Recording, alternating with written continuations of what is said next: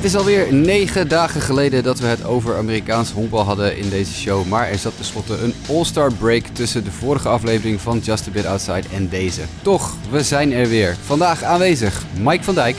Hey. En Jimmy Driessen. Hey, hallo. En ik ben Jasper Roos en wij vliegen meteen van start met onze momenten van deze week. Jimmy, what it be, what it do. Ja, mijn sportmoment uh, doet me toch wel een beetje pijn, want het was tegen de Phillies. Maar uh, Juan Soto had weer een, uh, een negende inning home run tegen de Phillies. En ja, die gozer die, die, die slaat alles aan gort in, in Philadelphia. Want dit is al zijn derde go-ahead home run in de negende inning. En in alle andere parken heeft hij er nog nooit eentje gemapt zo laat. Tja. Dus ja, het is wel echt een Phillies killer. Ik bedoel, ze hadden ooit Chipper, Chip, Chipper Jones was natuurlijk altijd een Phillies killer bij de, bij de Braves. Maar nou, de Nationals hebben ook een, uh, een Phillies killer en ik ben er niet zo blij mee. Het is altijd vervelend als die in je eigen divisie zitten. Dat is... Ja, maar het, is, het is wel een geweldenaar. Ik bedoel, Juan Soto en, en bij de Braves en Acuna Jr., dat zijn wel echt gewoon, ja, gewoon heerlijke talenten, toch? Ja, nee, zeker. Ik denk dat, eh, dat we ons in, onze handjes knijpen met het, het, principe dat we deze jongens hebben, absoluut. Zal ik je eens een stadlijn geven van Juan Soto en uh, Citizen Bank Park? Doe het eens voor de gein. Ja, hij hit 328, 8 home runs, 20 RBI's en 1087 OPS in 15 wedstrijden. 15 wedstrijden, ja, jemig. Ja, ja. ja dat uh, kan nog een hele vervelende komende 10 jaar worden voor jullie. Dat, uh, dat kan ik me wel indenken. Mike, wat is jouw moment van deze week? Mijn moment van deze week kwam gisteren uit de wedstrijd tussen de San Diego Padres en de uh, Atlanta Braves. En het was Fernando Tatis die eigenlijk uh, gepickoffd werd, uh, dacht iedereen. Mike Soroka was snel op de benen en wierp snel de bal op het eerste honk. Tatis zat vast, maar met zijn flitsende zonnebril en zijn flitsende moves wist hij de slide terug op één op uh, gewoon succesvol af te ronden. En hij wist de tag echt miraculeus te ontwijken. Ik weet niet of je het gezien hebt, maar de commentator zei ook: de Matrix is alive, zeg maar. Dus het was echt bijzonder knap. En ik weet niet of we het over zijn zonnebril nog moeten hebben. Ik weet niet of jullie die gezien hebben. Ja, die heeft, nee, hij wel vaker op gehad, die heeft wel vaker op gehad, volgens mij, toch? Precies. Ja, het is, uh, het is een flitsend dingetje. Oh, gewoon ja, met, die, uh, met die spiegel en de glazen, een beetje goudachtig of iets, toch? Ja, ja, ja, ja eigenlijk ja, een skibril voor in het uh, onkbouwveld. Ja. Geweldig, toch? Ja, ik, ik hou ervan. Hij heeft voor de rest niet zo'n niet zo'n heel denderende periode. Maar dit zijn dan wel weer momenten dat je de atletische vermogen van zulke jongens uh, ziet. Ja. Zijn, uh, zijn jongere broertje is uh, tegenwoordig ook prof. Dus misschien kunnen we daar binnenkort ook van gaan genieten. Heeft, heeft hij ook zo'n mooie zonnebril? Dat, daar ga ik vanuit van wel. Ik denk dat de hele familie Tatis, omdat papa Tatis was ook altijd wel van de, van de flashy dingen. Ik denk dat de hele familie dat een beetje meegekregen heeft. Nou, snelle planga dus. Ja hoor, absoluut. Uh, we, zullen, we zullen het gaan zien met, uh, met hoe dat met die familie Tatis gaat verlopen. Verder, mijn moment van deze week was eigenlijk ja, de combined no-hitter die de Angels gooiden in, in die wedstrijd, die herinneringswedstrijd aan Tyler Skaggs. Dat is natuurlijk ja, waanzinnig als je een, een, wedstrijd hebt die je opdraagt eigenlijk aan je overleden teamgenoot. En je gooit dan een combined no-hitter als, als ploeg. Ja, dan ben je, dat is, dat is, die hele, die hele avond, die hele nacht was, was heel erg, ja, op zijn Amerikaans gezegd... Tyler Skaggs was watching over the team, zoals dat dan weer altijd gezegd wordt. Mike Trout zei dat ook. Ja, uh, met, met heel veel bizarre statistiekjes dat Trout zijn home was 454 voet. En dat is dan 45, rugnummer van Skaggs aan het begin. En als je het getal omkeert, is het ook weer 45. En dat is ook weer het rugnummer van Tyler Skaggs. En het werd, uh, wat was het, 13, 13 7 uit, of 13, uh, 13 nog iets. En, en de Angels scoorden 7 van die 13 runs in de eerste inning. Nou, 13-7, dat is ook wel 13 juli. Dat is de geboortedag ja. van Tyler Skaggs. En zo waren er honderdduizend. Uh, ja, je kan natuurlijk overal de illuminatie op loslaten, wat, wat dat betreft. Maar, maar het is ja, wel mooi toevallig weer. Ik hou er wel van, weet je. Ik, ja. vind het wel, ik, ben, ik ben altijd wel van dat soort dingetjes. Ik geloof niet zo heel erg in het over, over je ploeg heen kijken in zo'n geval. Maar ik vind het dan wel weer leuk als mensen net zo lang gaan zitten zoeken... tot ze van dat soort geintjes uh, gevonden hebben. Het maakt het verhaal wel mooier, toch? Vind ik wel. Ik bedoel, een, een triest verhaal maak je met een klein mooi randje. Heel klein, heel ja. mini. En na de wedstrijd natuurlijk allemaal hun shirt. Ze speelden allemaal met alle spelers met nummer 45 allemaal hun shirt op de heuvel gelegd. De hele heuvel was bedekt met, uh, met rugnummers 45. Dat is dan ook wel weer. En, en zijn moeder die de eerste pitch gooide. Dus dat is alles bij elkaar weer een heel emotioneel momentje in, uh, in Anaheim. En volgens mij was het tegen de Mariners. En Dee Gordon, die is natuurlijk lid van de Mariners tegenwoordig. Die vergeleek het ook nog met uh, wat hij met de Marlins heeft doorgemaakt met Jose Fernandez. Ja. Dus dat is ook altijd iets wat nog in mijn geheugen gegrift zit. Dee Gordon die op de heuvel uh, een uur voor de wedstrijd in zijn eentje op het veld helemaal kapot zit te gaan omdat uh, zijn beste vriend overleden is. dat soort dingen, dat, eh, ja, daar ben ik altijd wel gevoelig voor. Sowieso is het een beetje een gekke week wat betreft de no-hitters. We hebben ook nog die bijna eh, perfecto gehad. De combined perfecto van de Tampa Bay Rays. Ja. Ja, ook heel bizar natuurlijk. We hebben het nog nooit eerder gdat. Als dat gebeurd was, was het nog nooit eerder gebeurd dat we een combined perfecto hadden gehad. Maar ja, goed, helaas. In de negende inning eh, stortte de boel in. Dus dat is een beetje een vreemde week wat betreft no-hitters. Winners en losers van deze week. Jimmy. Ja, maar mijn winner is eigenlijk iemand die ik in een preview eh, voor Sport Amerika flink had eh, bekritiseerd. Althans, de club waarvoor die speelt, de Rangers. Want die kwamen met een gigantische oude rotation aan. Maar Lance Lynn, die, ja, die is gewoon gigantisch bezig. Eh, na de All-Star break moest hij tegen de Astros. Ja, een van de moeilijkste matchups natuurlijk. Zeven innings, elf strikeouts, geen enkele run tegen. Ja, bizar twee walks had hij volgens mij. En ja, ik denk dat hij op dit moment stiekem toch een beetje... Kunnen, kunnen we als Cy Young contender noemen? Of... Want die gozer staat goed te gooien de laatste tijd. Wat, eh, heb je zijn, zijn stats voor je neus? Eh, ja, die heb ik voor mijn neus. Wat, zijn, wat is zijn strikeout eh, nummers? Dat is, dat is toch uiteindelijk het belangrijkste. En ik Ja. vrees als, uit mijn hoofd dat ik dat zeg dat hij niet...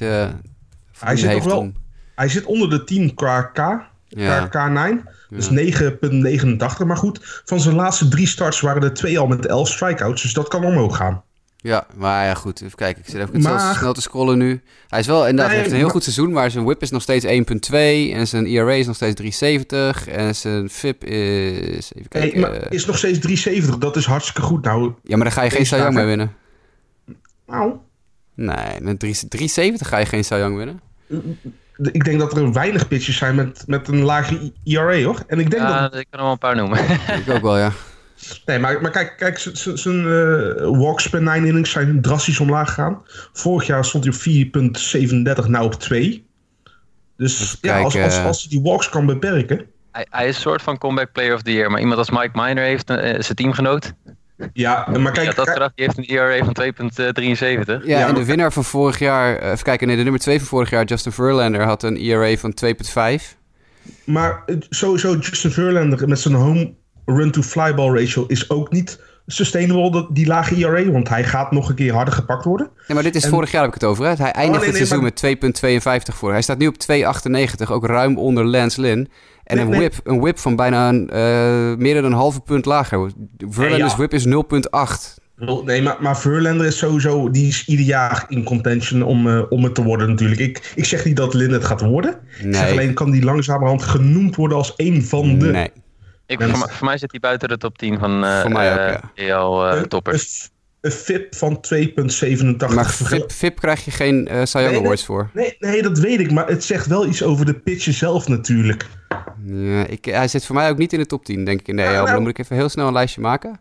We, gaan het zien, we gaan het zien. Ik, la- laat ik zo zeggen. Ik ben lid van de fanclub van Lens Lynn bij deze. Maar ik denk niet dat hij Young gaat winnen.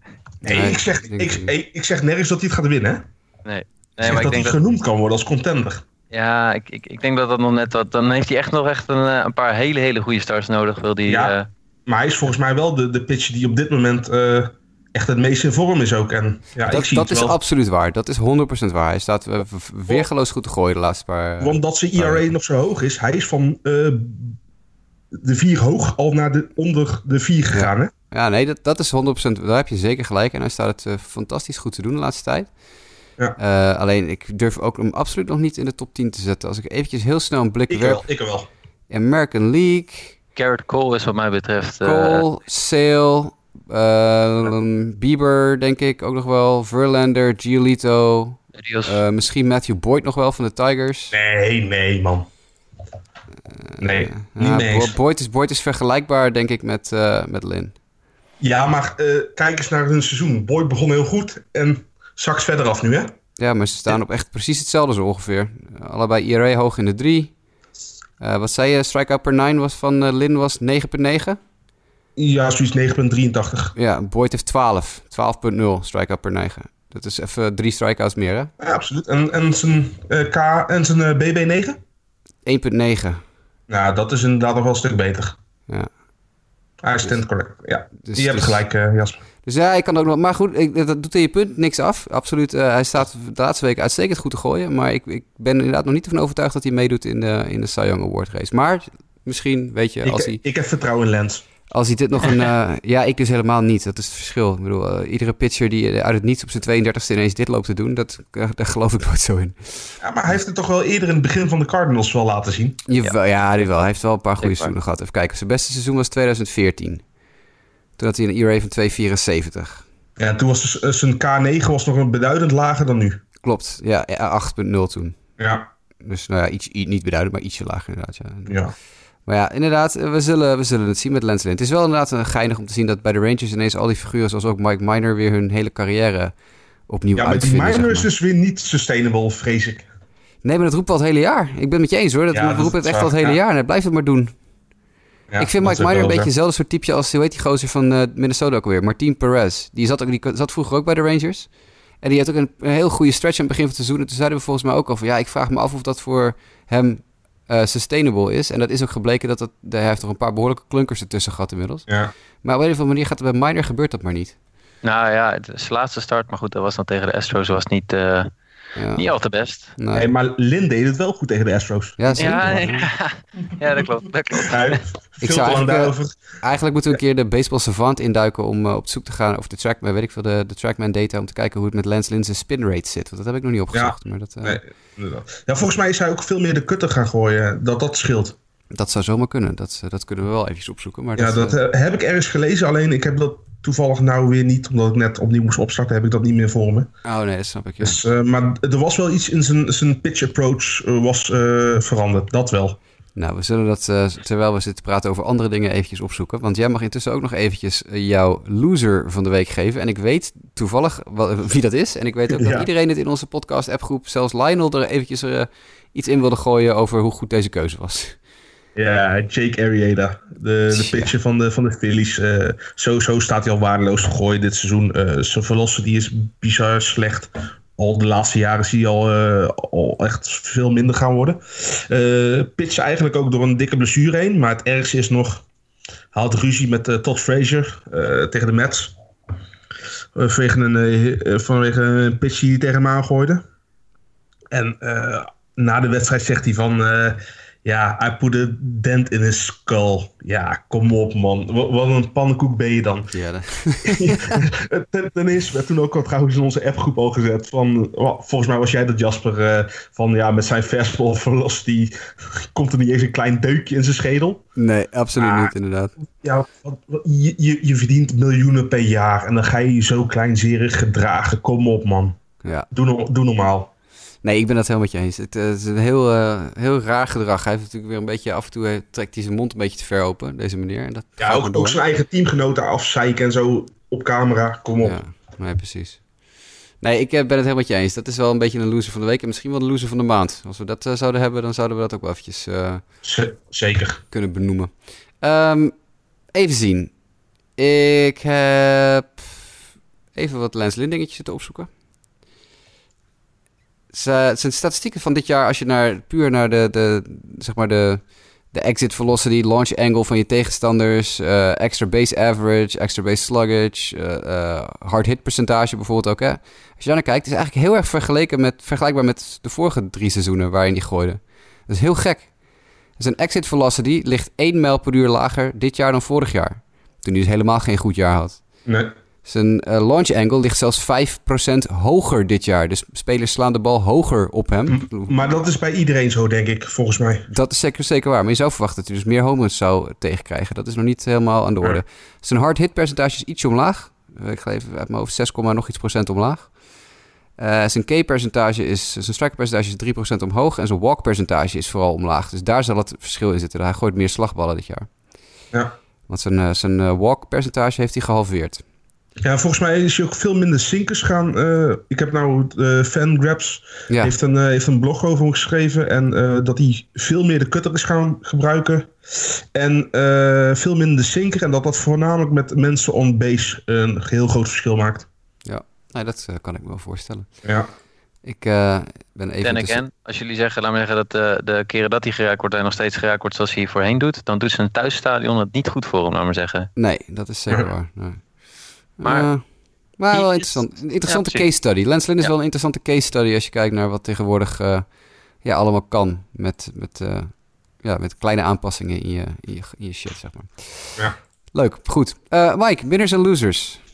Eh, ja, we gaan, eh, we gaan naar New York twee keer. Nou goed, één keer in Cleveland in de vorm van eh, de Home Run Derby. En daar gaan we het zo meteen meer over hebben.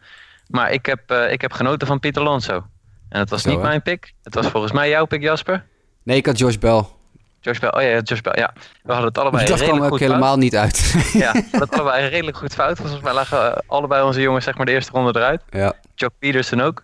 Ehm, Ja, ik, Maar- heb, ik, ik heb hiervan moeten leren, jongens. Ik, ik, twijf, ik mag nooit twijfelen aan Pieter Alonso. Dat is, dat is wat hier natuurlijk uit naar voren komt. It's a hard lesson. Ja. Maar goed, het was in ieder geval genieten. Dus hij is mijn, eh, mijn winnaar van deze week. En ja, mijn verliezer, ja, dat is zijn club. De, de New York Mets. Er kwamen volgens mij vorig weekend berichten ook naar buiten dat de GM eh, overleg had gehad.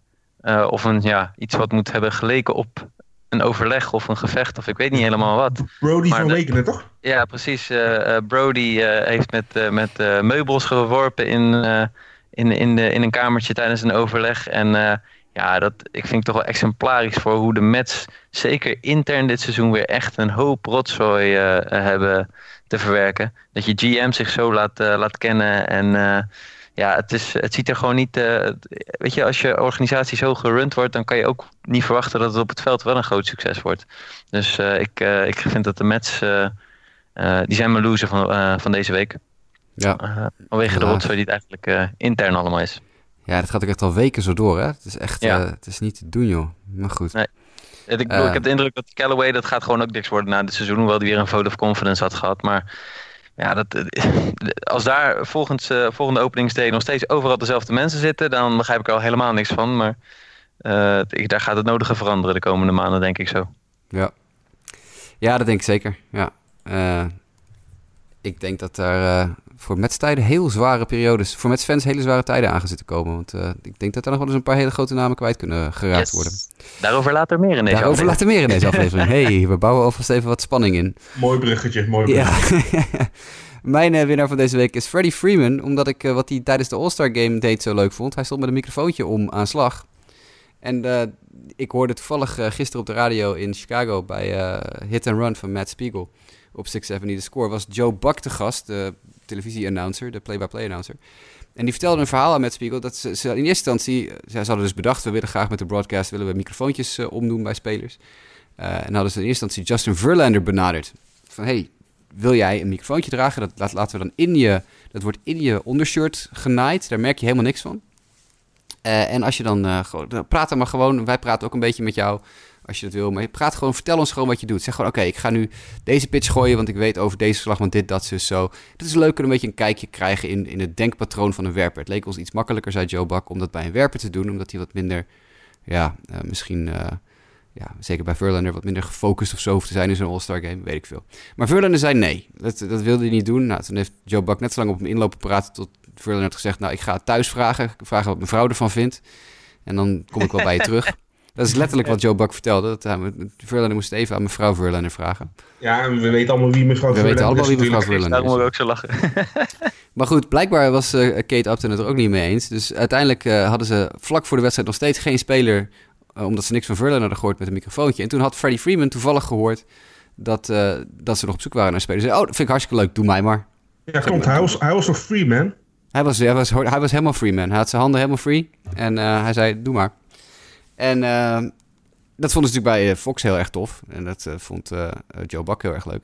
Maar daarom is Freddie Freeman een beetje mijn winnaar. Omdat hij zichzelf heeft aangeboden om dat te doen. En ik vond dat een geweldig stukje televisie. Om dat, om dat te zien. Hoe hij pratend met, met, eigenlijk met de booth. En praten met de scheidsrechter. En praten met de catcher. En een beetje naar Verlander schreeuwen voor de grap. Hoe dat allemaal in zijn werk ging. En daarom is Verlander mijn loser. Omdat hij nee zei. Eigenlijk heel simpel. Zei hij nee op zijn vrouw? Ja, dat weet ik. Ja, dat zullen we nooit weten. Dat, dat merken we later wel. Maar hij zei in eerste instantie nee. Dus in, Hey, als hij nee zou zeggen, zou ik er gewoon mee instemmen, hoor. Ja, precies. Ja, z- zij is de baas thuis. Met Ja. een reden natuurlijk. Maar ik moet Ehm, zeggen, je had het ook, eh, je had het ook eh, gepost op, eh, op Twitter. En ik had ook in de samenvatting, liet het ook meerdere keren zien... dat ze ook met Bellinger nog gesproken hadden Klopt, en met Jelic ja. tegelijk. Het was, dat was echt wel een serieus leuke, leuke add-on. En je, de, de sfeer van de wedstrijd, weet je, die kwam ook gewoon heel goed over op die manier. Weet je, wat een leuke wedstrijd spelen, willen winnen. Dat, dat vond ik gewoon super leuk om, om op die manier ook te ervaren als, als fan. Ja. Ja, ik vind het absoluut iets wat ze verder moeten onderzoeken. We hebben natuurlijk al een keer eerder gezien met George Springer... die een microfoontje omgehad heeft tijdens een wedstrijd. Ik geloof Mookie Betts heeft een microfoontje gedragen, gedragen tijdens een wedstrijd. Dus wie weet kunnen we dat tot vaker zien, want ik vind het wel echt heel tof. En er is natuurlijk bijna niks gavers dan NFL, uh, uh, wat de NFL doet met, uh, wat heet, hoe heet het weer, FX of zo? Game Effects, ja, weet ik veel. En, en uiteindelijk bad lip reading. Ja, precies. Ja, ja. Nee, dat, ja. Nee, ik, ben, ik, ben, ik ben ervan gecharmeerd van dat soort dingen. Over de All-Star Game gesproken, moeten we het er nog even over hebben? Want we hebben natuurlijk uiteraard daar nog niet over gehad. Moeten we dat nog even bespreken? Wat vonden jullie van de wedstrijd? Ik, ik heb hem alleen uh, in de samenvatting gezien. En ja, goed, een All-Star game is... Ja, ik hecht er zelf nooit zoveel waarde aan. Maar vond je het ja. leuk? Uh, ja, er werd weinig gescoord, dus... Ja. Dat, uh, dat past niet bij dit seizoen. Ook maar twee home runs. Veel strikeouts. Ja, ja, dat past dan weer wel bij het seizoen. Het is of strikeout of home run natuurlijk. Maar ja, ik vind het toch altijd wel leuk als, als mensen zich een beetje uh, ontspannen kunnen honkballen op dat moment. Gewoon dat, ze, dat je wat geintjes ziet en zo, daar hou ik altijd wel van. Maar voor de rest, ja, als ik het mis, ik, ik zeg al, ik blijf er niet voor op. Het uh, momentje met Cici, willen jullie daar nog iets over kwijt? Met Cici Sabathia? Sabathia. Ik, ik, ik vond het... Uh, maar goed, ik heb alleen de, de samenvatting gezien, hè. Ik vond het uh, mild. Ja. De ontvangst die ik kreeg. Ik had warmer verwacht. Maar ja, goed, hij deed natuurlijk en de eerste pitch en hij heeft die, uh, ja, wat was het, die soort van pitcherwissel? De, de, ja, de, de, de, Chapman moest er soort van uit of niet uit, ja. zeg maar. Ja, precies, ja. Dus, dus ja, ze hebben wel echt een rol voor hem neergelegd in, in Cleveland. Maar ik, ja, het viel mij ook een beetje tegen. Ja, ja ik vond dat, uh, dat vond ik jammer. Ik vond het mooi uh, dat Michael Brantley een goede hit gaf. Uh, daar in Cleveland waar hij eigenlijk groot is geworden, als ik me niet vergis. Nee, zeker. Ja. dus dat, dat, dat, vond ik leuk om te zien. Ehm, ik ga even niet met mijn Homer pet praten over uh, Diamondback spelers, maar uh, ik, ik, ik was wel teleurgesteld over bepaalde, nou, laat, ik zeggen, over, over de Dodgers op bepaalde momenten, maar goed, dat is meer boxscore reading. Um, en ik vond het, ja, Bieber als, als All-Star, ja, hij gooit een immaculate inning, deed, deed Chapman ook. Dan is het denk ik de home favorite die hem dan krijgt of zo. Tuurlijk, nou, dat denk tuurlijk. ik ook, ja, weet je, hij, hij Bieber... En, en is dat erg? Nee, dat, dat is een beetje, dat denk ik ook niet. Weet je, op dat moment ben je in je thuisstadion, ja, dan maak je natuurlijk je eigen jongen je MVP van de, van de, van de All-Star Game. En dat is eigenlijk wel gewoon. En er was geen. prima, denk ik. Er was voor de rest ook niet echt iemand die het, zeg maar, in mijn ogen echt verdiende. Dat je in voorgaande wedstrijd dat je nog wel eens iemand die echt het team carried of zo. Dat was in Precies. dit geval niet. Deze, Ja, deze iemand die cycle hit of wat dan ook. Of, Ja, eh, of de belangrijkste, ja, de game-winning home run of zo. Ja, dat was Ja. allemaal niet. Nee, maar Ja. ik denk inderdaad dat het in dit geval gewoon, ja, weet je, leuk voor Cleveland, voor de Cleveland fans, dat hun eigen boy, hun eigen toekomst, hun, hun rotation piece dan eh, MVP wordt. Ehm, ik vond het op zich een aardige wedstrijd, maar niet dat ik denk van nou, ik ga hier eventjes eh, de hele nacht voor wakker zijn. Dat eh, Nee. was, is ook niet gebeurd. Leuke, leuke conspiracy theory die hier nog even de kop opstak trouwens. Die wil ik nog even met jullie delen ook. Dat eh, Cleveland de All-Star Game heeft gekregen in ruil voor het feit dat ze Chief Wahoo eigenlijk, eh, eindelijk geloosd hebben als logo. Ja. Wat, eh, wat vonden jullie van die roddel? Eh, nou, ze waren eigenlijk al een paar jaar al gefaseerd om eruit aan te werken. Want volgens mij gebruikt ze hem al, volgens mij al twee of drie seizoenen niet meer op de home cap. Dus eh, ja, ik, ik ben nooit zo van, het, eh, van de complottheorieën. Maar het zou ze wel goed uit hebben gekomen, de MLB in ieder geval. Ja, nee, maar je moet ook niet vergeten dat de All-Star Game al vijf jaar geleden verge- vergeven is aan Cleveland. Hè? Dus dat ze een paar jaar geleden eh, Is- zijn begonnen is- met dat. Dat, dat wordt al je- jaren van tevoren wordt dat Heb je vastgesteld. helemaal gelijk. Ja, ja volgens mij Dus het zou 2014 of zoiets zo? Zoiets, ja. Dus het, Ja. het zou kunnen zijn dat ze natuurlijk al... dat ze toen gedeeld hebben van... oké, jullie moeten daar nu mee ophouden. En het is ook wel slim dat ze het gefaseerd doet. Eerst van de pet Precies. af en uiteindelijk, ja... Hey, Ah, ik ga toch eh, mijn aluminium hoedje opzetten, Jasper de jou. Ja, en Rob Manfred die deed er ook nog even een schepje bovenop die sukkel. Want die zei gewoon... die zei in het begin van de week...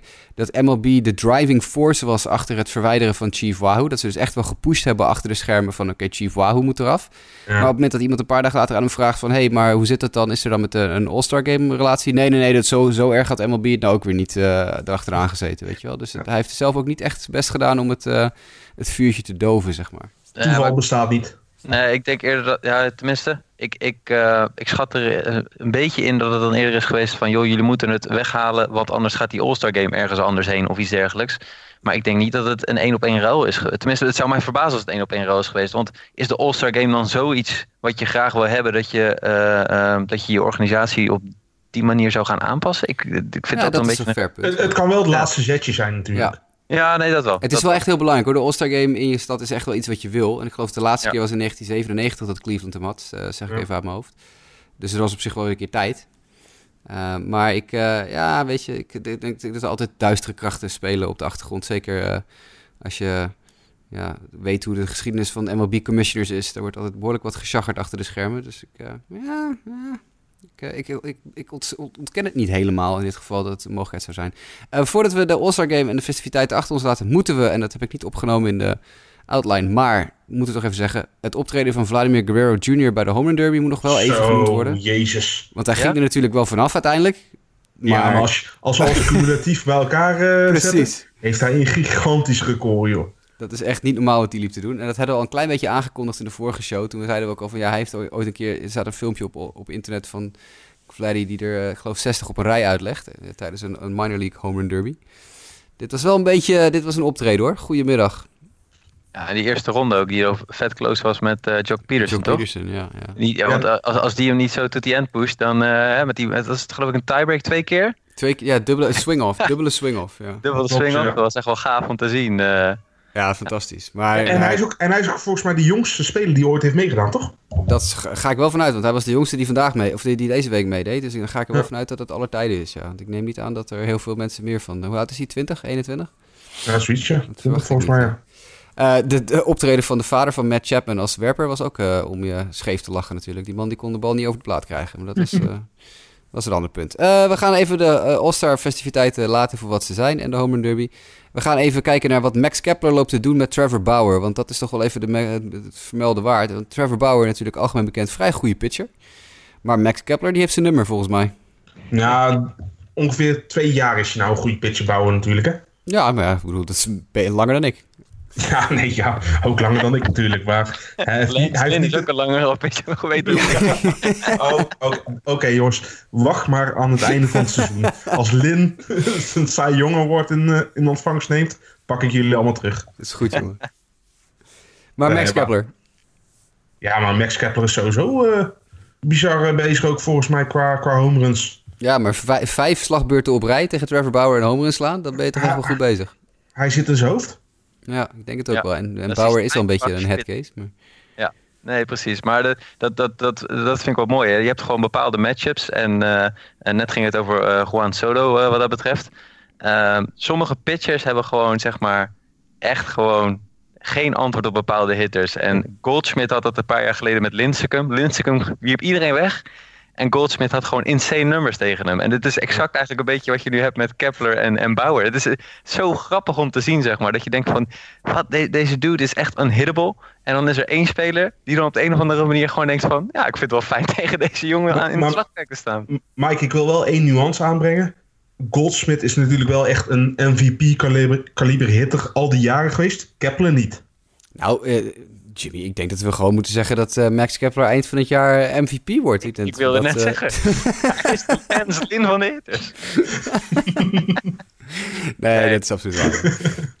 Oké, nee, ik, ik hou mijn mond alweer, jongens. Nee, nee, nee, het is, het is een geitje. Maar het is, het, ik, luister, Kepler is, eh, dat is gewoon leuk. Ik, ik, ik heb niet zoveel met Trevor Bauer. Mike weet dat ook wel. Ik ben, ik ben gewoon niet zo... eh, ik ben niet team Bauer. Dus als er iemand als Kepler hem eh eventjes maat neemt, hou ik wel van. Ongelijk projectiel in het echte leven, hè? Ja, daar hou ik niet van. Ik eh, hou van orde en regelmaat. Ehm, we gaan verder. Eh, we hebben een, eh, even een tussendoorblokje ingebouwd hier nu, voordat we naar het gewone, weer terug naar het gewone nieuws gaan. Dat heb ik even het oude mannenblokje genoemd, want we gaan het even over een paar oude mannen hebben die ziek, zwak, misselijk, dood of idioot zijn. Ehm, we beginnen met, met ziek, denk ik. Dat is Bob Gibson, de Cardinals-legende, Hall of Famer, bij wie kanker geconstateerd is. Eh, zijn jullie bekend met het, eh, het fenomeen Bob Gibson? Of is dat eh, iets Ja, wat ja, ja. uit, uit- alleen uit triviant vragen naar voren is gekomen? Bij mij Nou. vooral het laatste, maar het is wel een grote naam. Ja. Ik heb hem zelf nooit zien spelen. Nee, ik denk niemand van ons. Nee, volgens mij is hij in de jaren 80 al in de Hall of Fame gekomen, toch of zo? Eh, volgens mij is dat hij in de jaren 60 was hij op zijn hoogtepunt. Ja, maar in de jaren 80 is hij in de Hall of Fame in de Fame, ja, gekozen, precies. Ja, ja, dat klopt, ja. ja, Ja. zeker. Ja, nee, dat is een tijdje geleden. Maar wel echt een eh, ja, fabelachtige werper. Eh, Nog eentje die de 3000 strikeouts gepasseerd is. Altijd bij één club gespeeld, hè? Altijd bij de Cardinals, ja. Eh, negenvoudig All-Star, tweevoudig World Series kampioen, NL MVP, twee keer een NL Cy Young, twee keer een World Series MVP, negen Gold Glove Awards.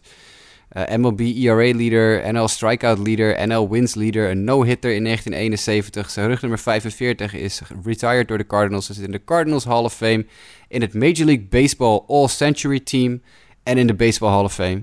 nou, maar ja, de Cardinals hebben ook goede pitches uh, gebracht natuurlijk. Gibson, Lance Lynn. ja, inderdaad, in één adem. Maar goed, uh, Gibson is, dus, is nu dus helaas ziek. Pancreatic cancer, geloof ik, is het oordeel van de doktoren. Klopt. Dus dat, nou, dat, we hopen dat hij, dat hij daar een beetje te boven kan komen. Maar hij is natuurlijk ook al een dagje ouder, dus dat wordt tricky. Hij is 83 inmiddels al. Ja. Hij ging nog wel de chemotherapie aan, in ieder geval als het laatste, waren de laatste berichten. Ja, nou, dat, we wensen hem alle goeds toe. Ja. Uh, dan hebben we, wat zei ik, ziek, zwak, misselijk, dood. En, oh ja, dood. Jim Booten van... oh de, ja, dood. Ja, die, die is dood. Ehm, Jim Booten, de schrijver van het boek Ball 4. Wat ik al meerdere keren geplukt heb in de podcast. En wat ik nog steeds aan Sander uit moet lenen. Want Sander Gasman, onze collega van Sport Amerika, die heeft gevraagd aan me of hij het mag lenen. En ik ben het al drie keer vergeten aan hem te geven. Dus bij deze, Sander, ik ga je echt dat boek nog uitlenen.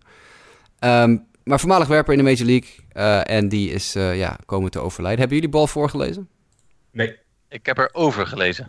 Ja, dat mag ook. Dat, uh, ik, ik, raad het ook jullie van harte aan. Ja. Want het is een hilarisch boek. Ik heb het ook eerder gezegd. Een werper die een letterlijk boekje open doet over de, ja, de perikelen in, in de majors als pitcher. En uh, die echt eventjes een boekje open doet over wat ze allemaal uithalen. En wat ze allemaal aan pillen slikken en aan drank zuipen en aan vrouwen veroveren. En wat, wat eigenlijk het leven van een pitcher in de Major League is.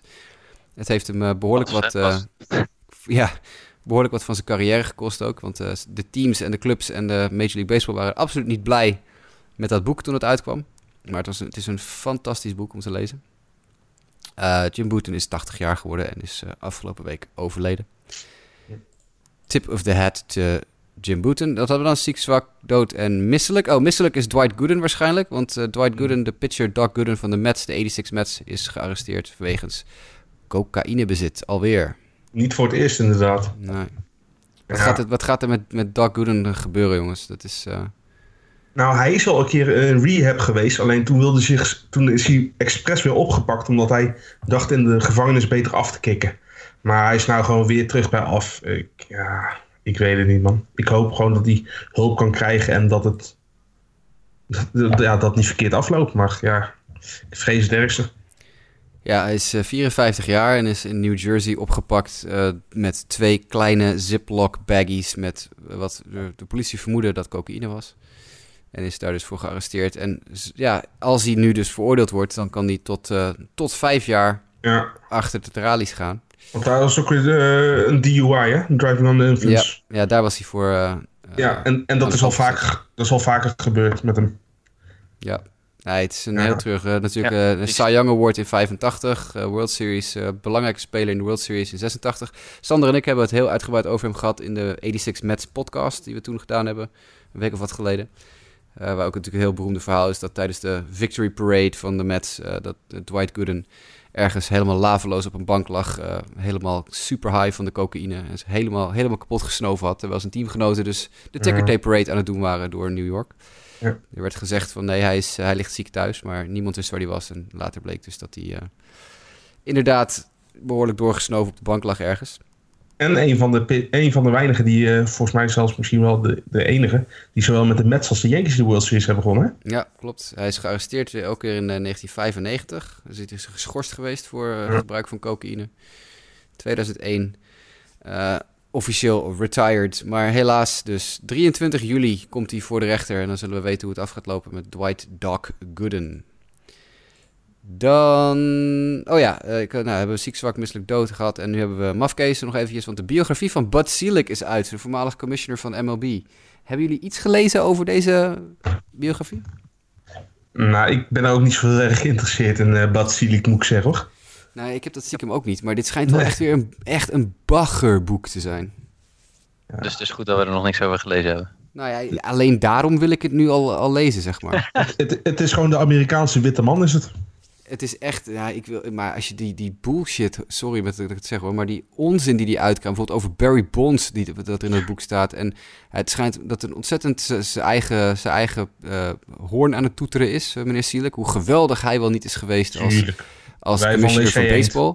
Ja, precies. Nou niet. Dat verrast me nou niet. En, en dat, dat, dat eh, al het goede wat er door de jaren heen met MLB gebeurt, dat het allemaal door hem komt. En het zelfs, hij gaat helemaal los over de, over de strike uit 94 nog een keer. Helemaal echt alles en iedereen wordt afgemaakt. Terwijl hij natuurlijk zelf ook gewoon een enorme rol in gespeeld heeft. Dus uh, dit is niet een boek wat ik wil lezen omdat ik het interessant vind. Maar het is wel een boek dat ik wil lezen omdat het wel één grote trainwreck uh, zal zijn. Maar gegeven de ja. vele boeken die er zijn zeg maar, over honkbal, is dit er eentje die ik echt links zou laten liggen. Maar goed, dat is mijn persoonlijke mening. Ik ja. denk dat het veel boeiendere boeken zijn om te lezen op dit moment. Bijvoorbeeld, die je vorige week hebt gepleegd. Ja, de MVP-machine. Zelf heb ik ook aangeschaft. Ja. Ik moest nog even, ik had er wel stukjes uitgelezen, maar niet helemaal. Inmiddels ligt hij op het nachtkastje. Maar nee, ik, ik, ik wil het toch wel even melden. Want Batsilik, ik heb altijd vroeger, vroeger uh, best wel dacht ik van, nou ja, we kunnen slechtere commissioners hebben. Zeker als je ziet wat voor puinhoop het bij de NFL af en toe is geweest met, uh, met commissioners. Uh, maar als je achteraf terugkijkt op het de tijdperk Silik, dan denk ik toch dat er heel veel onder tafel, onder het lakertje is gebleven. Ja, dat is toch bij elke commissioner uiteindelijk. Ik wil net zeggen, ik denk, ik heb uh, uh, met, de, met de controverse die we nu gaande is uh, rondom die home run balls, heb ik niet de indruk dat er bij het boek van Rob Manfred over 20, 30 jaar uh, niet vergelijkbare verhalen in zullen staan. Ja, ja, ja. En, en, uiteindelijk zegt hij ook gewoon: uh, Ja, ik heb geen enkele spijt uh, van wat ik allemaal heb gedaan en wat ik niet heb gedaan. Dus dan weet je eigenlijk al ja, wat voor lapswans het is. Nou ja, over, ik denk ook echt serieus dat dit een, een moeilijke positie is hoor, om, om, om veel mensen die je tevreden moeten houden en dergelijke. En het spelletje, wat relatief nog wel eens conservatief wordt neergezet en conservatieve wereld is, om dat steeds verder vooruit te brengen. Ik denk dat het ook geen makkelijke positie is. Uh, en daarin moet je jezelf bewegen en, uh, en de sport vooruit zien te helpen. Ja. Er zijn weinig uh, bondsvoorzitters, zeg maar, die wat dat betreft een schone lei hebben en heel erg bekend staan als een ja, geweldenaar voor de sport. Vergelijk het, maar eens, vergelijk het maar eens met de FIFA, dan valt de MLB nog alles behalve mee. ja, nee, dat ook, maar ja. ook de, de, NFL. Ik bedoel, uh, ja. Roger Goodell komt er natuurlijk ook niet altijd uh, even goed nee, uit. en die gast voor Goodell is ook, was ook een mafkees natuurlijk. Paul, Paul Talia, nog iets? Ja. Nou ja. vergeten, maar... En ik geloof dat jongen, uh, die jongen, die meneer van de NBA, Adam. Adam, Adam, Adam Stern, Adam Silver? Adam Silver, Silver, die Silver. ja. Dus uh, ze zijn allemaal niet onbesproken, maar dat is omdat je moet iedereen tevreden houden in een sport waar iedereen vanuit. Ja. Dat is gewoon een onmogelijke opgave. Ja. Dus, je, bent, uh, je, bent, gewoon een scholletje, ben je gewoon, je gaat met alle stromen mee. Nou ja, ja, ja, of je probeert op de een of andere manier verandering richting het positieve te brengen. Zoals Manfred bijvoorbeeld heeft gedaan met die uh, video replay. Volgens mij was dat nog onder zijn uh, bewind. En de, de, hoe heet het, de uitbreiding met de wildcards. Uh, ja. Dat zijn denk ik wel positieve zaken geweest voor, voor het honkbal. Maar goed, als je nu dan die home runs er weer bij pakt, dan denk je van, hmm, ja. Tja, nee, dat is zeker waar. Het is wat dat betreft een beetje een gek moment natuurlijk ook voor hem om met die biografie nu, met, voor Sierlijk om met die biografie uit te komen. Want ja, de, wat jij al zegt, Manfred ligt ook al een klein beetje onder vuur. Dus ja, misschien is het ook wel om een beetje de aandacht af te leiden van Manfred. Weet ik veel. Maar goed, het lijkt me geen leuk boek. Dat, dat uh, was het uh, punt. Het was een, uh, een trainwreck puntje. dan hebben we nog een klein blokje met recent nieuws. Met het allerbelangrijkste nieuws dat net live binnenkomt in onze MLB podcast app. En dat is dat Justin, die in de Verenigde Staten op vakantie is momenteel. we zwaaien even naar Justin. blijkbaar deze week in Fantasy tegen mij speelt. En nu al 10 runs met zijn pitcher tegen heeft gekregen, waardoor ik weer in de race ben deze week. Wilde ik toch even delen, jongens. Dat uh, als Herman Marquez heeft Marquez, tien, lekker. 10 earned runs in twee innings tegen.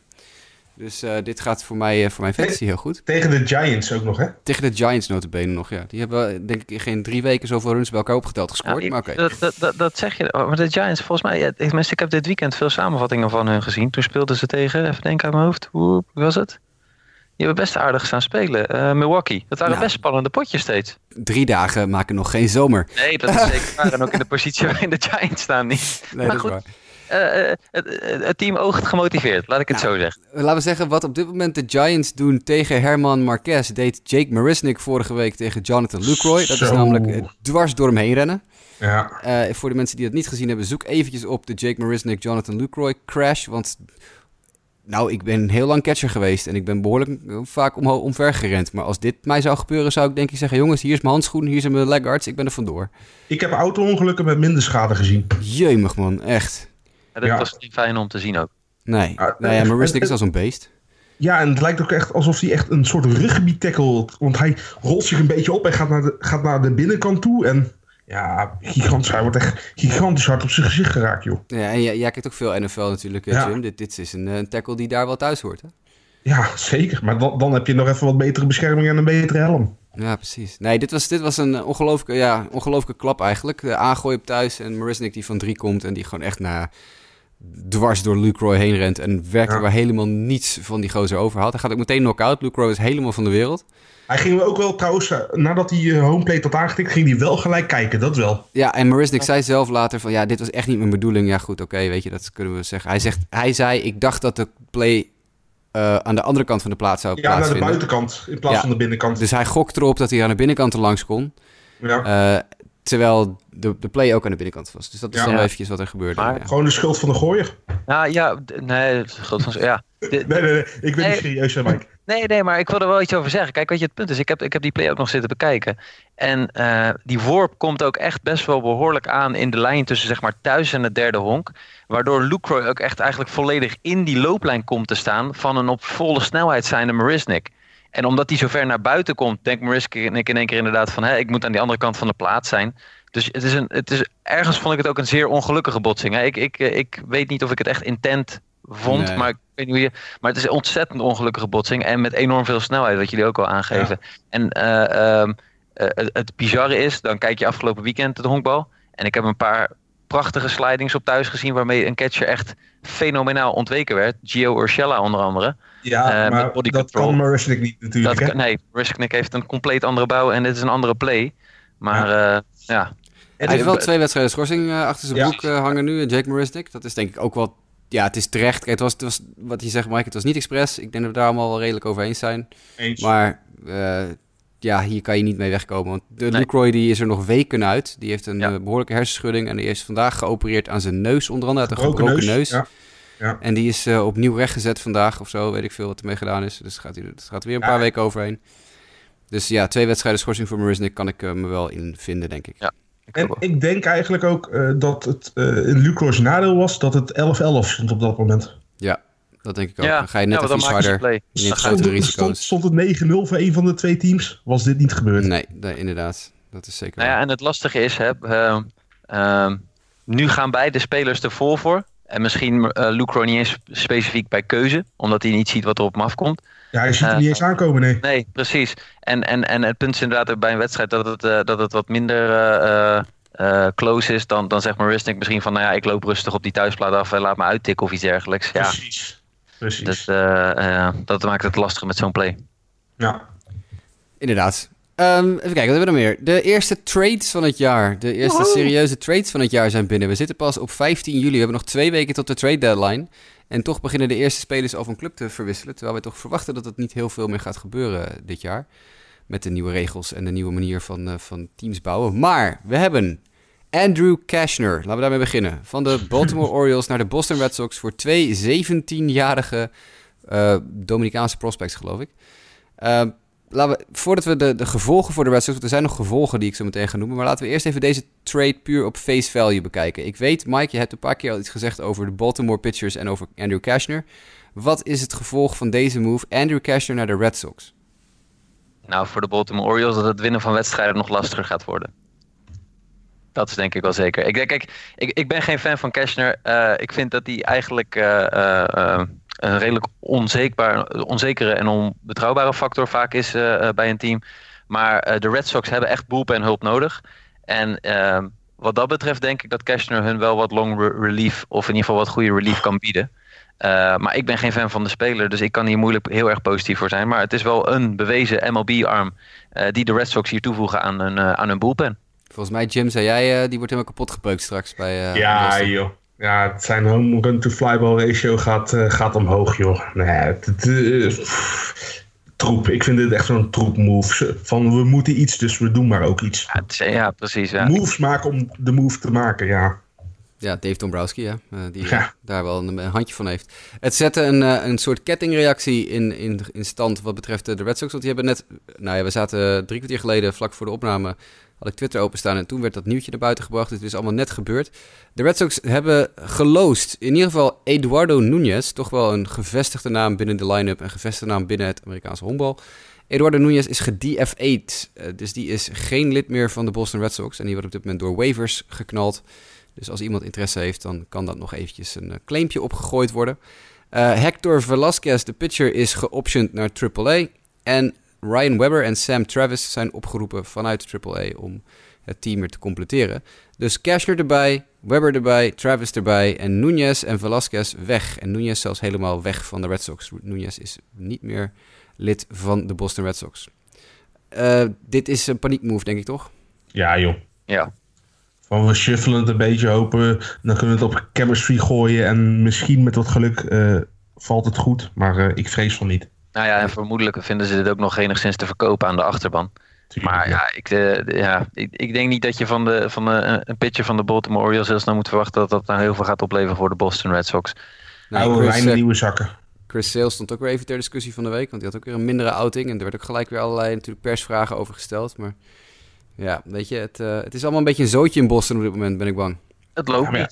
Het loopt maar niet dat, dat, dat hoort bij een big market team. Heeft hij vier goede starts, is iedereen Hosanna. Eén slechte start, kan er niks van. Uh, moet naar de DL, uh, Vlos die klopt niet. Ja, nou ja, en, en, en, dat je tien wedstrijden achter de New York Yankees staat, uh, helpt ook niet mee in dit soort nee. discussies. Nee.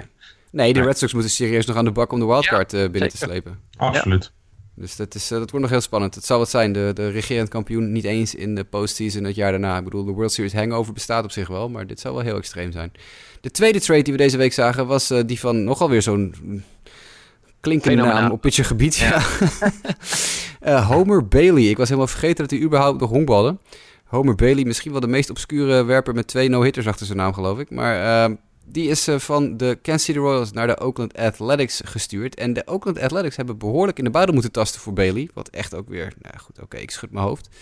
Maar die hebben Kevin Merrill naar de Royals gestuurd. En Kevin Was Merrill first is round pick toch? Vorig jaar, of twee jaar geleden, first round pick, 2017. Uh, van de uh, Oakland A's is dus nu een lid van de Royals. Wat gaat Bailey doen bij Oakland? Grootste dingen. MVP. Nee. Ja, nee, precies. Nee, uh, kijk, weet je, Homer Bailey heeft in ieder geval in zijn laatste zeven starts wel een aantal positieve starts gehad. Hij heeft volgens mij drie scoreless, of nee, wat is het? 1, 2, 3 van drie of vier quality starts gehad. Dus ja, ik, hoop dat, ik denk dat Oakland gewoon hoopt om iets aan pitching binnen te halen. Weet je, pitching is niet heel erg veel beschikbaar. Hè? Starting pitching vooral niet. Nee, maar kijk, eens, kijk eens even in welke divisie die zat, hè? Ja. Kijk, als je, als je de Twins tegen je krijgt, oké, okay, dan ben je fucked. Maar ja, dat heeft de AL West met Houston ook. Maar voornamelijk Detroit en, sorry, toch ook de White Sox nog steeds. Jasper, ik bedoel, ze hebben een goede toekomst. Maar zijn nog geen topteam. nou, nou, dat moet ik toch even een klein beetje tegenspreken, Jim. Heb je ze een beetje gevolgd de laatste zes weken? Uh, volgens mij staan ze weer onder 500 bal te spelen. Nou, net onder 500. Maar, ja, uh, gezellig deze podcast. Hè? Het is zo nee, dit, is, dit is niet het moment. Dat had je, dat had je het, uh, april en mei tegen me kunnen zeggen. Maar vanaf juni kan je dat niet meer zeggen. Want dit is een club die op dit moment de nummer 3 van de divisie is met afstand. Qua maar niveau. ja, niet zo best. Maar, enig nuance, ik ben het helemaal mee eens, Jasper. Maar de nummer 4 en 5 zijn wel echt gewoon heel zwak, hè? Ja, maar de Indians en de White Sox ontlopen elkaar niet zo heel veel op dit moment. Dus dat is... Uh, nee, geef niet. Ik bedoel, ik, ik, ik, mag het nooit voor ze opnemen, maar nu moet ik het een keer, moet het nog wel een keer ja, kunnen. Ik, ik, zat hier ook gewoon op te wachten hoor, maar uh, even terug naar de trade. Ja, ja, ja. ja. ja middelmatige pitcher en uh, hopelijk de prospects worden wat voor de Royals. Dit is de enige move die, die de Royals moesten maken. En ja, ik snap de, de A snap ik gewoon niet. Ik vind het ook heel moeilijk te plaatsen, wat dat betreft. Ik weet niet. Ik, ik, ik, ken Kevin Merrill niet. Ik bedoel, ja, ik ken de naam, maar ik ken de speler niet. Dus misschien voor hetzelfde geld blijkt hij helemaal niks te zijn. En hebben ze voor, voor gratis hebben ze nu uh, dat, Homer Bailey. Maar, ja, het kan wel een first rounder kan altijd het beste. Kijk naar Mark Apple. Ja, precies, ja. Maar dus ik, ja, ik weet het. Ik vind het lastig. Want ik kan ook Homer Bailey gewoon heel moeilijk... Uh, weet je? Het is... Kan je nou vertrouwen op zo'n gozer die zo verschrikkelijk vaak geblesseerd is, weet je wel?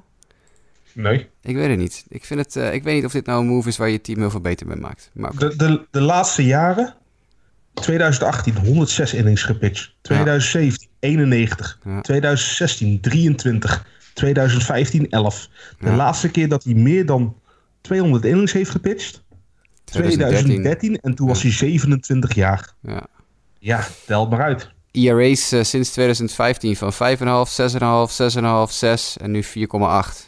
Daar, krijg je dan okay. eerste, daar krijg je een eerste ronde pick voor. Voor iemand met een ERA van 4,8 in 90 innings. Oké, okay, maar advocaat van de duivel hier. Je bent GM van de Oakland Athletics. Je zoekt starting pitching. wat, wat, wat zijn je mogelijkheden? Wat probeer je te halen? Ik, ik, ik begrijp jullie punt volledig hoor. Ik eh, ben het ermee eens. Maar Ja, toch denk ik ergens van, hij probeert, ze zitten in een positie, hè, eh, 53 wins. Ze staan op een wildcard spot. Ja, maar is dan, is dan Homer Bailey wat je gaat binnenhalen? Eh, Gaat Homer Bailey, gaat je die naar de wildcard gooien? Met zijn Dit is ERA echt van zo'n 5? hal- Dit is echt zo'n half-half move van... we doen een gokje, maar we gaan er niet al in. Ga dan al in. Ja, precies.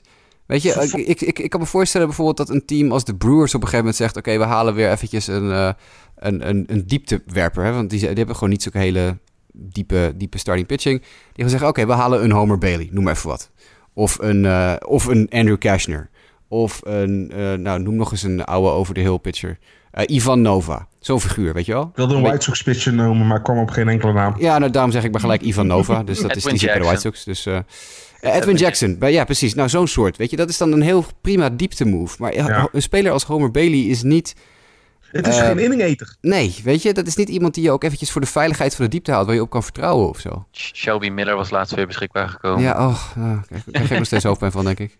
Oh, ja.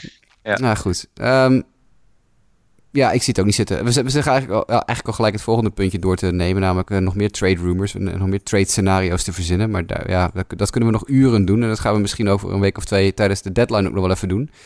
Uh, maar uh, voor nu heb ik de meest hardnekkige trade rumors even naast elkaar gezet. De Yankees en de Twins, die zitten allebei achter Marcus Stroman en Ken Giles aan. Oké. Okay. Da, da, da, da. Ja. Ja, ik, ik, ben benieuwd waar Stroman heen gaat. Ik bedoel, dat is de naam die je toch wel naast Zach Wheeler denk ik het meeste hoort. Uh, alhoewel Zach Wheeler nu op de injured list is geplaatst. Zojuist, breaking news! Ja. Of niet? Oh, daar, ga, daar, gaat de, daar, daar, gaat de enige trade chip van de Mets. Ja. Dus zojuist is Stroman een stukje duurder geworden. Uh, ja.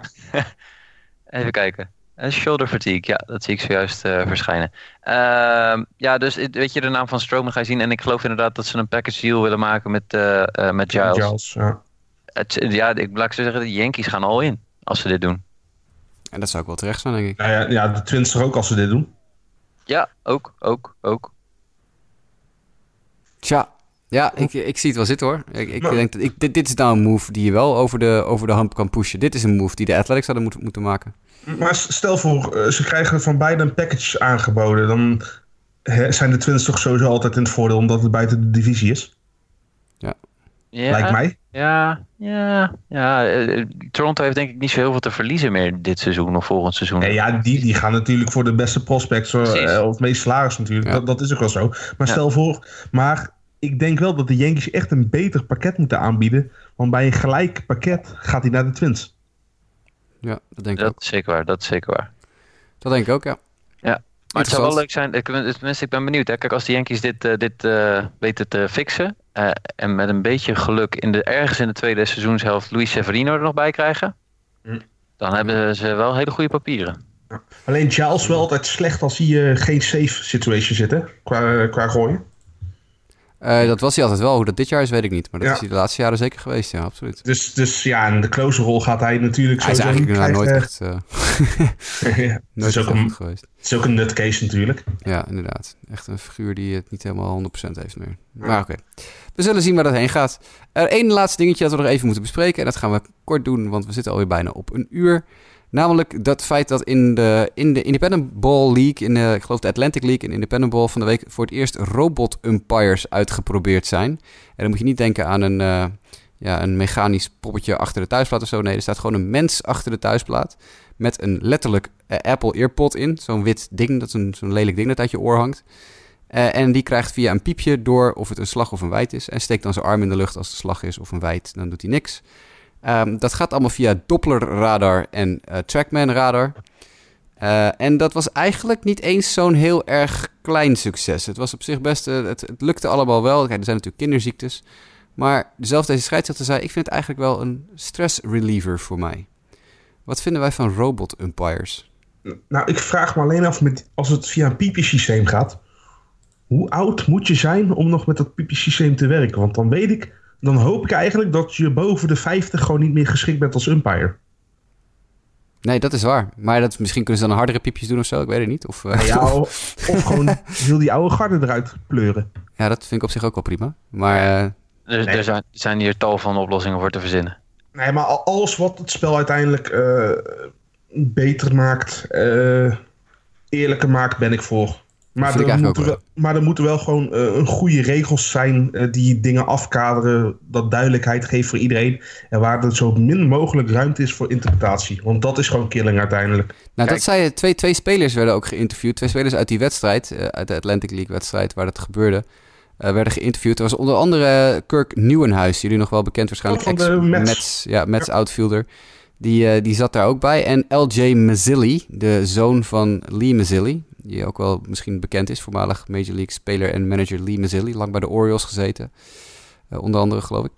Uh, die werden allebei geïnterviewd. Wat vonden ze er nou eigenlijk van? En ze zeiden eigenlijk allebei van, nou op zich werkt het wel, maar er zat af en toe toch wel iets vertraging op.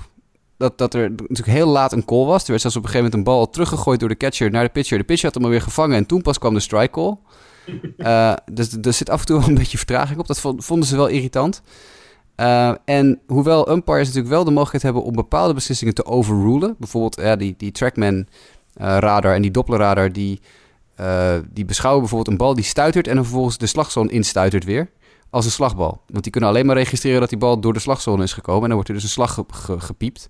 Maar hij heeft gestuiterd, dus het is geen slag. dus dan heb je nog een scheidsrechter die kan zeggen nee, dit is het wel zo. slag. Maar veto power bijvoorbeeld bij de ump neerleggen over, alles, over alle beslissingen, dat vindt Kirk Nieuwenhuis bijvoorbeeld dan weer helemaal niks. Hij zegt, ja, als de umpire dan nog steeds zijn eigen beslissingen mag ja, opdringen, joh. dan kan je net zo goed geen ro robot er neerzetten. En heeft hij dus ook weer een klein beetje gelijk. Want als, als, als een bepaalde scheidsrechter een groot ego heeft... Ja, precies. Ja, wat we een beetje, waar we altijd bang voor zijn bij alle scheidsrechters. maar ja, goed, je hoopt dat het maar dat ze, dat ze in staat zijn om dat uh, niet als hun eigen falen te zien, maar meer als een, oké, okay, weet je, uh, dit gebeurt gewoon af en toe. Ja. Maar het is, uh, ja, het is, het, is, het is dus nu uh, eindelijk begonnen. Het zou eigenlijk al aan het begin van het seizoen begonnen zijn in de, in de International of in de Independent League. Maar dat is nu dus pas geweest vanwege wat vertraging hier en daar. Nou ja, en nog, nog even geredeneerd van, uh, net ging het over bepaalde, de leeftijd van bepaalde scheidsrechters. Tegelijkertijd, dit kan de loopbaan van bepaalde scheidsrechters enorm verlengen. Want ja. juist hun calls worden er enorm stuk beter door. Ja, nou, ja. En de, de, de chairman van de uh, Atlantic League zegt ook van, nou ja, we hebben contact met al onze scheidsrechters gehad voortdurend. En niemand voelt het eigenlijk als, een, uh, als dat ze vervangen worden. Nee, het is eigenlijk meer gewoon, we, we empoweren de scheidsrechter met, met meer technologie. Ja. En, en de homeplate umpire moet natuurlijk heel veel meer doen dan alleen maar slag en wijd callen. En, en dat moet hij allemaal maar tot op, op zijn beste niveau doen. En dan is het misschien handig om een klein beetje, nou wat die scheidsrechter zelf ook al zei, een klein beetje de stress van ja. bijvoorbeeld het zwaarste werk weg te nemen. En uh, ja, weet je, uh, het, het, het, is misschien wel, het, het werkt nog niet 100%, maar het is misschien wel iets voor de toekomst. Maar hoe gaan Major League scheidsrechters hiermee om? Ja, dat zullen we af moeten wachten. Daarom testen ze het natuurlijk ook in de Independent League. Hè. Gewoon eerst even kijken of het überhaupt werkt. En op Precies. een gegeven moment... Maar een ja. stuk minder focus erop, een stuk minder media eromheen. Ja, stuk, nee, zeker. Ja, dus ik heb nog mijn bedenkingen. Ik denk dat dit zeker een jaar of vijf nog van de MLB vandaan is. Nou, je, je, blijf, je, je, blijft natuurlijk altijd met het probleem zitten van die, de strike zone. Je weet, elke, elke scheidsrechter heeft een andere strike zone. Hoewel ja. het natuurlijk niet zo moet zijn. Weet je, de ene scheidsrechter callt meer inside ballen, de andere callt meer outside ballen. Weer een andere callt niks hoog en de andere callt alleen maar laag, weet je wel. En je hebt heel, en je hebt heel veel catches die goed kunnen framen bijvoorbeeld. Precies. Nou, dat soort dingen die, die worden dan een beetje, die verdwijnen dan een beetje. Maar bijvoorbeeld was een van die pitchers die in die wedstrijd gooide, die zei van ja, er werden op een gegeven moment heel veel slagballen op een bepaalde plek ge, slag gecallt die normaal gesproken door geen enkele slagbal, door geen enkele scheidsrechter slag gecallt worden, vrij hoog, vrij hoog in de zone. Ja, nou, er is geen scheidsrechter die dat een bal, die dat, die dat een slag callt. Alleen, ja, volgens de regels is het een slagbal. Dus die machine die ziet, die ziet geen onderscheid en die gaat gewoon ja. alle slag, slagballen callen. Dus dat is uh, ja. iets ook in de gaten te houden natuurlijk. Maar goed, kijk, die technologie dat begint nu dan. Nou, zegt dat het in ieder geval nog zeker twee jaar nodig heeft voor independent ball, om voor MLB om te zeggen van, nou, we gaan ook eens een proef draaien. Nou, je ziet hoe snel een pitchklok gaat. Dat kost ook zeker minimaal een jaar of twee en minor league werk voordat dat zeg maar een keertje in de major league wat meer uh, zichtbaar wordt. Dus dit gaat echt, dit is echt denk ik nog wel een paar jaar. Uh, dat denk ik uh, ook wel, ja. Niet in de, ja, in de MLB. Rob Manfred heeft zelf ook gezegd van oké, okay, we gaan het eerst in de, in de Independent League, in de Atlantic League proberen. Vervolgens gaat het verspreiden, onder andere bijvoorbeeld naar gedeeltes van de minor league, voordat het überhaupt ooit naar de major league komt. Dus, ja. of, of het international honkbal zou heel snel moeten gaan, maar dat zie ik eigenlijk niet gebeuren. Nee, dat zie ik ook niet gebeuren, nee. En uiteindelijk weten we hoe heel deze, dit verloop is gegaan achter de schermen als over 30 jaar zijn biografie uitkomt. Ja, precies. Dat zullen we dan horen inderdaad, ja. Uh, ik uh, ben wel benieuwd, zoals altijd. We houden dit zoals altijd ook weer heel erg goed in de gaten. We hebben geen mailbag vandaag, heren. Dat is jammer. Uh, we komen vandaag wel goed uit, want we zitten weer keurig op een uur. Dus dan kunnen we dat een einde aan gaan breien. Maar mochten jullie als luisteraars nou denken, ik ga een vraag insturen, want ik wil wel eens iets meer weten over het een of het ander. Of ik wil Jimmy wel eens een heel verhaal horen houden over een andere pitcher waarom die Cy Young moet worden. Of iets dergelijks. Dat, dat mag, dat graag zelfs. Dat, eh, stuur dat op naar ons. Dat kan eh, via e-mail naar justabitpodcast.gmail.com. Dat kan via Twitter, at JWKF voor Justin, die lekker op vakantie is en ons een hele mooie foto stuurde vanuit PNC Park in Pittsburgh vandaag. Dat kan naar mdijk90 voor Mike. Dat kan naar @inikd voor Nick. Naar Jimmy Driesen met twee S'en voor uh, Jimmy. En dan vooral de S'en in Driesen en niet in Jimmy, want in Jimmy zitten geen S'en. En Ed Jasper Roos voor mijzelf. Ed Sportamerika, daar zijn we ook te vinden. Facebook.com slash Sportamerika. Instagram uh, ga je naar Sportamerika underscore underscore NL. Dubbele underscore, denk daaraan. YouTube, Sportamerika, daar zijn we ook nog te vinden zo nu en dan. Daar staat uh, nog wat leuke content van Londen op voor de mensen die het niet gezien hebben. En daar gaan we misschien ook tijdens de trade deadline wel weer eens wat leuke dingen mee doen. Dus hou dat een klein beetje in de gaten. Subscribe je gewoon, subscribe, likey enzovoort op uh, Sportamerika op YouTube. Dan mis je ook daar niks van onze wilde plannen. Boys, hebben jullie nog wat toe te voegen? Ja. Namelijk? Vote voor Lenslin Cy Award 2019. Ik, uh, ik, uh, er ligt een heel mooie whisky op jou te wachten als Lenslin top 5 in de Cy Young Award finished. Dit, bij deze heb ik dat beloofd. Top 5 al? Oh, kat een bakje dit. Nee, top 5, dat, uh, wil ik, dat durf ik me ook nog wel aan te wagen, inderdaad. Ik krijg ook nog steeds een fles wijn van Nick, maar ik weet dat jij van whisky houdt, dus dan leg ik een mooie fles whisky voor je in het, in het verschiet. Deze, deze wetenschap is bij deze aangenomen. Hartstikke goed, man. hey, jongens, hartstikke bedankt. Yes, jij ook. We spreken elkaar later weer. Yes. Hoi, hoi. Luisteraars, tot de volgende keer.